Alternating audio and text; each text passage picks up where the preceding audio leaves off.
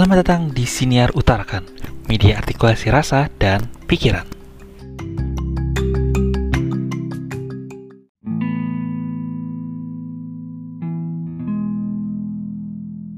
Oke, selamat datang di Siniar Utarakan. Setelah sekian, bukan sekian lama lagi ya, tapi udah lama banget, hampir lebih dari setahun vakum. Let's start it again. Uh, kita mulai dengan segmen SOS. Oke. Uh, pada segmen kali ini kita akan membahas tentang video viral dari seorang uh, artis yang dan juga seorang penceramah ya. Uh, Oki Setiana Dewi yang potongan video itu mengisahkan uh, seorang pasangan suami istri yang uh, sedang bertengkar hebatnya sampai akhirnya suaminya itu menampar istrinya. Kemudian ya istrinya nangis kemudian tidak lama berselang uh, ibu dari uh, si sang istri uh, datang ke rumah mereka. Dan ketika ditanya kamu kenapa nak? Ya kemudian sang istri menjawab uh, aku terharu karena aku sangat rindu dengan uh, dengan orang tuaku dan Allah menja um, langsung uh, mengijabah atau mengabulkan doaku sehingga aku sangat terharu sampai aku menangis. Nah, kalau versinya Oki Setna Dewi, sang suami bergumam bahwa oh dia kan sebenarnya bisa tuh uh, mengadukan apa yang sedang terjadi kepada orang tuanya, namun alih-alih uh, mengadukan sang istri ini malah melindungi sang suami. Oke, uh, itu ceritanya. Kita stop dulu dari situ. Nah, um, di awal gue akan ambil posisi bahwa uh, buat gue pribadi uh, kekerasan dalam rumah tangga itu uh, hal yang sangat sangat sangat buruk ya dan uh, gue gue pribadi sebagai seorang suami ya uh, se, se seberat beratnya atau sebesar besarnya uh, konflik atau pertengkaran uh, rumah tangga dengan istri ya mungkin lebih ke apa ya mungkin lebih ke kita lebih full intonasi suara mungkin ya kalaupun yang mau lebih hebatnya. Jadi benar-benar um, bukan yang uh, apa namanya fisik kontak fisik tidak ada kontak fisik tidak memukul menjambak dan uh, apa namanya uh, perilaku perilaku kasar lainnya ya. Uh, karena buat gue ya itu hal yang uh, tidak manusiawi ya terlebih terhadap pasangan sendiri gitu. Oke uh, nah itu pandangan pribadi gue. Nah sekarang dalam menanggapi uh, kisah ini ya kita juga sebenarnya uh, tidak bisa mengambil kesimpulan ya dari dari potongan sebuah kisah. Karena kan uh, seperti yang pernah gue dengar dari Panji Pragiwaksono bahwa uh, kita tidak bisa mengambil kesimpulan utuh dari sebuah informasi yang sepotong. Nah itu yang yang uh, berbahaya ya karena kan kita juga nggak tahu uh, Oke Setina Dewi ini um, menceritakan kisah tersebut dalam konteks apa gitu. Um, posisi gue di sini tidak me membela Oki Setina Dewi tapi um, kalau mau kita runut ya sebenarnya uh, harusnya harusnya peristiwa tersebut misalnya karena kan tadi uh, Oki Setina Dewi, Oki Setina Dewi uh, mengatakan bahwa itu sebuah kisah ya sebuah kisah nyata yang terjadi di Jeddah berarti di, di, di Arab Saudi. Nah kita lihat konteksnya di situ. Um,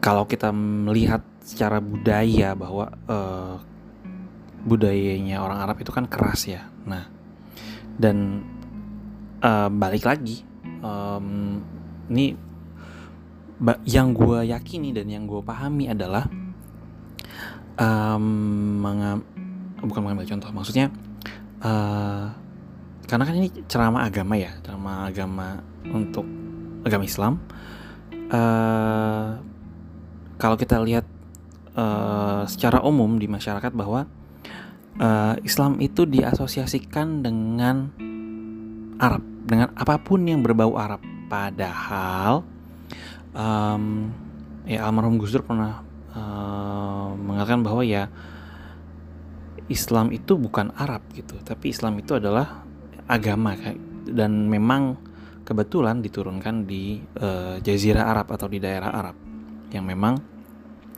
uh, seperti itu uh, budayanya uh, kasar keras bukan kasar ya maksudnya keras gitu. Makanya kan uh, Nabi Muhammad itu uh, menjadi teladan karena memang uh, karakternya yang lemah lembut, penyayang dan memang itu benar-benar uh, kontras dengan uh, karakteristik uh, orang Arab ya pada umumnya pada umumnya ya berarti uh, bukannya me mengeneralisasi bahwa semua orang Arab itu uh, kasar tapi ya uh, pada umumnya kebanyakan ya. Nah, uh, balik lagi. Uh, uh, sorry, balik lagi ke uh, sorry sorry.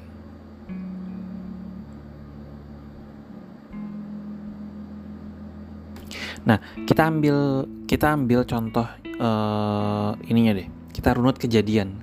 Uh, bagaimana sih seharus uh, apa sih yang harus uh, dilakukan agar kejadian tersebut misalnya pertengkaran hebat yang yang sampai melibatkan uh, kontak fisik seperti menampar itu terjadi seharusnya tidak seharusnya tidak terjadi um, kalau menurut gue pribadi uh, seharusnya itu bisa berawal dari bagaimana um,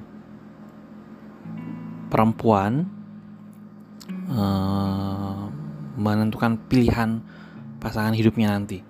Karena ketika memilih pasangan hidup ya seperti uh, suami atau istri kita tidak tidak bisa uh, hanya apa ya hanya asumsi atau tidak hanya bagus luarnya saja, bagus secara fisik, tapi ya kita juga perlu tahu uh, karakteristiknya seperti apa, um, karakternya, kemudian juga sifatnya, bagaimana cara dia uh, memperlakukan lawan jenis ya. Kalau misalnya cari uh, suami berarti uh, bagaimana uh, si laki-laki ini cara laki-laki memperlakukan uh, wanita, kemudian juga um, kalau misalnya mencari istri berarti kan uh,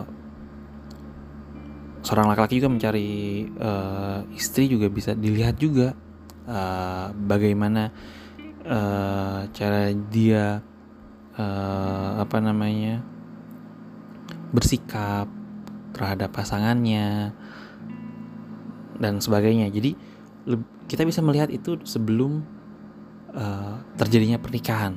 Nah, maka dari itu uh, tapi untuk konteks Indonesia kadang kadang ya karena karena ini udah um, 2022 dan gue berasumsi masih ada aja uh, individu atau uh, yang punya uh, apa namanya yang ketika ber, berkaitan dengan jodoh ya keluarga tuh kayak punya peran gitu untuk menentukan pilihan jodohnya. Padahal saat ya padahal yang yang harusnya mengambil apa ya yang punya peran penting ini adalah ya orang itu sendiri gitu bukan orang uh, bukan orang tuanya atau saudaranya.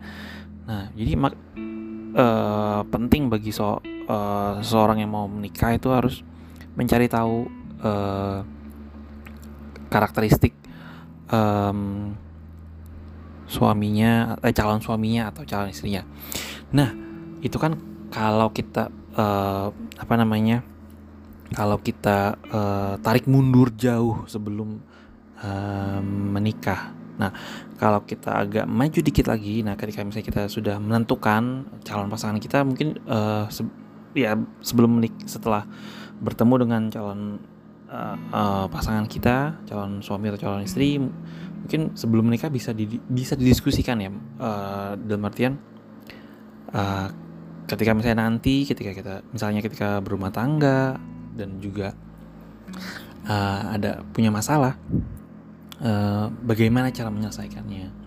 Nah itu uh, sebaiknya sih bisa di, bisa didiskusikan ya karena kan uh, setiap orang punya uh, caranya masing-masing untuk menyelesaikan masalah. Nah dan hal itu bisa didiskusikan dengan catatan ya uh, pasangan pasangan calon pasangan kita juga uh, mau terbuka untuk diskusi dan itu penting banget. Karena kalau misalnya ketika uh, belum jadi pasangan aja misalnya dia sudah uh, apa namanya uh, apa ya hmm, aroma patriarkinya begitu kental misalnya.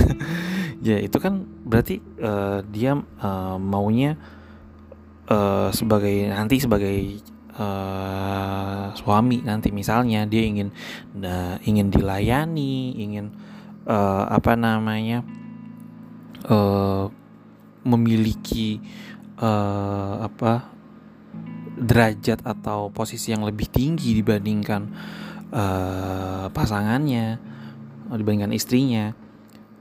Dan uh, dan misalnya ya ini misalnya misalnya uh, dia hanya fokus untuk uh, mencari nafkah. Dan ya urusan rumah itu ya itu urusan istri gitu. Dia nggak uh, dia nggak mau tahu. Nah itu kan uh, apa ya um, untuk untuk ke depannya nanti Iya balik lagi ya. Ini tergantung tergantung individu masing-masing. Karena kan ada ada mungkin perempuan ya oke okay, terima aja. Tapi uh, ketika uh, tidak ada kesepakatan atau misalnya uh, apa namanya uh, hanya uh, ada keputusan sepihak. Maka kan itu nanti misalnya ketika memang uh, mereka jadi menikah dan itu akan akan menjadi uh, buk, tidak akan menjadi pernikahan yang uh, membahagiakan bagi kedua belah pihak gitu. Tapi hanya hanya satu pihak dan itu sangat merugikan. Dan uh, apa namanya dan uh, di Islam pun uh, meskipun ya meskipun uh, di Islam mem memboleh membolehkan bercerai dalam artian membolehkan di sini uh, itu sebagai pilihan akhir ya. Nah, kenapa dijadikan pilihan akhir? Karena memang iya ketika situasinya memang sudah tidak memungkinkan ya iya mau tidak mau karena kan uh, apa namanya? daripada uh, dilanjutkan pernikahannya dan malah uh, membawa penderitaan yang semakin dalam dan uh, merugikan salah satu pihak ya lebih baik disudahi. Nah itu uh, kalau kita ngomongin uh, apa ya dari segi hukum Islam. Tapi sebenarnya secara umum pun ya nggak jauh beda sih secara, uh, apa namanya kalau kita ngomongin masalah hukumnya jadi um, apa ya ya yang namanya uh, KDRT atau kekerasan dalam rumah tangga itu ya harusnya harusnya tidak ada harusnya tidak ada. Dan dan uh, kasus misalnya ini kita kita balik lagi ke situasi yang uh, diceritakan oleh Oki Oki Setina Dewi misalnya uh, kejadian itu sudah terjadi. Nah yang menjadi pertanyaan adalah ketika kadang ya kadang memang ketikanya ketika yang namanya orang emosi itu kan kadang bisa uh, lepas kendali. Nah di situ uh, itu kalau situasinya lepas kendali lepas uh, lepas kendali.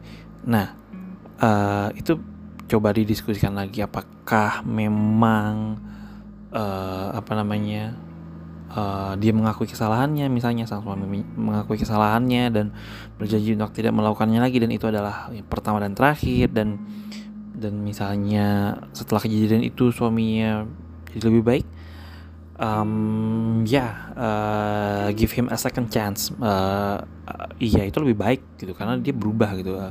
Nah tapi kalau misalnya um, setelah kejadian itu ya suami yang merasa dia tidak tidak tidak uh, merasa tidak bersalah dan tidak seperti yang misalnya yang tadi yang uh, Oki Setia Dewi gambarkan ya kayak kayak uh, masya Allah alih-alih uh, sang istri uh, alih-alih istriku me mengadukan kejadian tersebut uh, dia dia berusaha menutupi uh, apa namanya uh, pertengkaran uh, kami misalnya seperti itu. Itu kan kalau suaminya uh, reflektif ya dan dia mampu uh, setelah kejadian itu dia berpikir reflektif dan mengaku salah dan um, dia menjadi uh, dia dia tidak mengulangi kejadian lagi dan tidak mengulangi uh, hal itu lagi ya.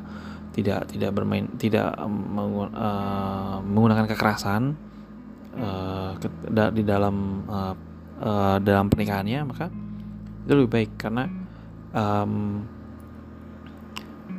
kadang uh, orang butuh uh, kesempatan kedua. Ya jadi uh, kesempatan kedua itu penting. Kayak misalnya kesempatan kesempatan kedua itu uh, uh, apa ya istilahnya ya? Jadi kayak um, redemption. Jadi dia untuk membayar kesalahannya gitu. Dan dan uh, ada memang orang yang uh, ketika dia mendapatkan kesempatan itu dia akan memaksimalkannya se, se, sebaik mungkin semaksimal mungkin dan dia akan berubah. Nah makanya um, ya sebagai uh, ya sebagai manusia kita harusnya memberikan kesempatan kedua. Nah itu kan kalau nah itu kan kalau suaminya um, apa namanya mampu berpikir reflektif, mengakui kesalahannya, dan mencoba untuk memperbaikinya. Nah, kalau misalnya tadi ya uh, suaminya uh, merasa itu bukan suatu masalah, bahwa itu haknya dia untuk uh, menampar istrinya, dan ya itu sih tidak bisa dibiarkan ya. Jadi kalau misalnya kejadian itu berlanjut, misalnya uh, di ketika ada masalah selanjutnya, kemudian uh, sang suami juga, dan suami itu uh, melakukan melakukan kekerasan lagi entah misalnya menjambak atau menendang nah itu kan sudah kelewat batas ya. Nah itu ya mau nggak mau mau mau tidak mau suka tidak suka ya sang istri harus harus uh, menceritakan hal tersebut kepada orang lain. Bu, uh, ini bukan berarti ini ya uh, mengadukan aib pernikahan tapi um, ya ya lo sebagai istri membutuhkan pertolongan karena itu sudah pernikahannya sudah tidak sehat.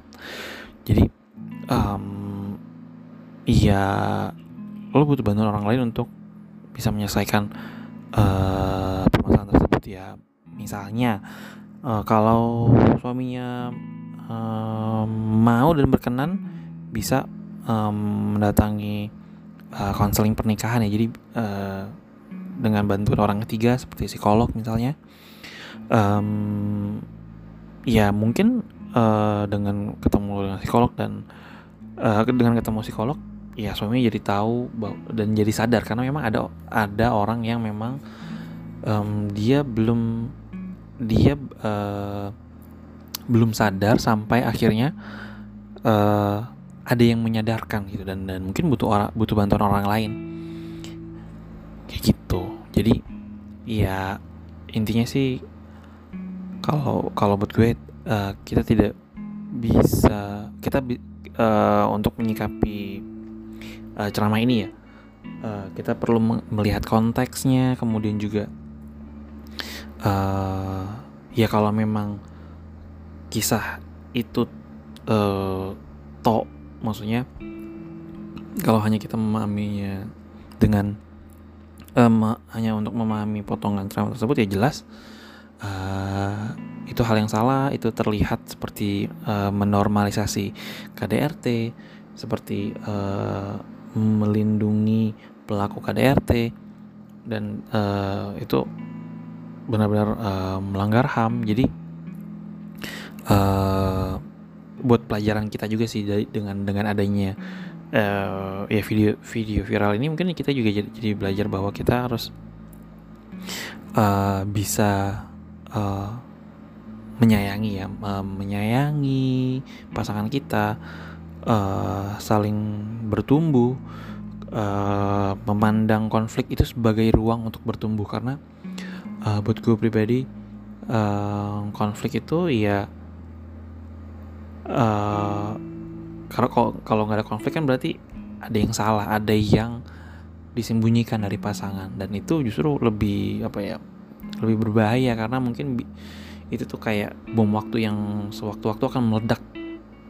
Dan dan meledaknya pun kita nggak tahu akan seperti apa ledakannya. Jadi lebih baik uh, ketika ada sesuatu yang mungkin mengganjal baik dari eh, uh, misalnya kayak uh, gue punya sesuatu sesu, punya sesuatu yang uh, apa namanya uh, gue kurang serak sama sama istri gue kemudian juga istri gue ada yang ada yang kurang serak nah itu didiskusikan dibicarakan baik-baik uh, cari solusinya. Um, ya ketika mungkin uh, misalnya ya misalnya istri gue sedang marah besar dengan emosi yang meledak-ledak ya gue sebagai suami mencoba untuk uh, tidak meresponnya dengan marah-marah dengan uh, dengan panas gitu ya. Tapi ya didengarkan dulu kemudian sambil uh, melakukan refleksi apakah memang uh, apa namanya yang yang dikeluhkan itu memang uh, misalnya merugikan merugikan gue merugikan istri gue merugikan keluarga gue dan dan itu uh, ya dipikirkan baik-baik direfleksikan sehingga um, ya karena uh, mindset bahwa iya manusia itu punya tidak apa ya tidak luput dari kesalahan ya.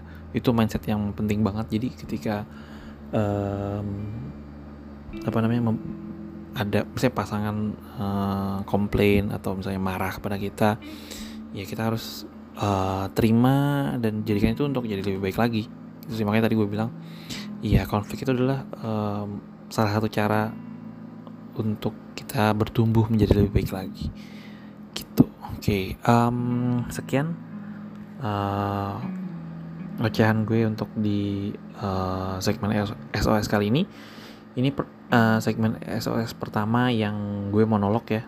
Uh, mohon maaf kalau misalnya terkesan kayak muter-muter ngobrolnya karena uh, gue lagi coba um, apa ya untuk buat ini uh, secara spontan karena kalau misalnya uh, terlalu direncanakan tuh jadinya um, malah nggak jadi-jadi malah yang kayak uh, ah ini kurang bagus ah ini nggak deh skip aja. Karena ya gue ngerasa gue punya sifat uh, perfeksionis jadi gue berusaha untuk uh, ya buat se um, bukannya gue nggak nggak apa ya at least gue uh, buat sesuatu gitu untuk uh, apa namanya uh, ke depannya mungkin gue akan coba buat yang lebih baik lagi.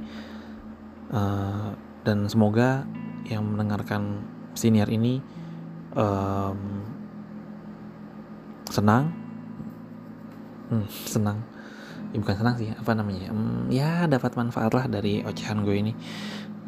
Um, terima kasih banyak udah mau dengerin senior gue. Sampai jumpa di episode senior berikutnya. Bye.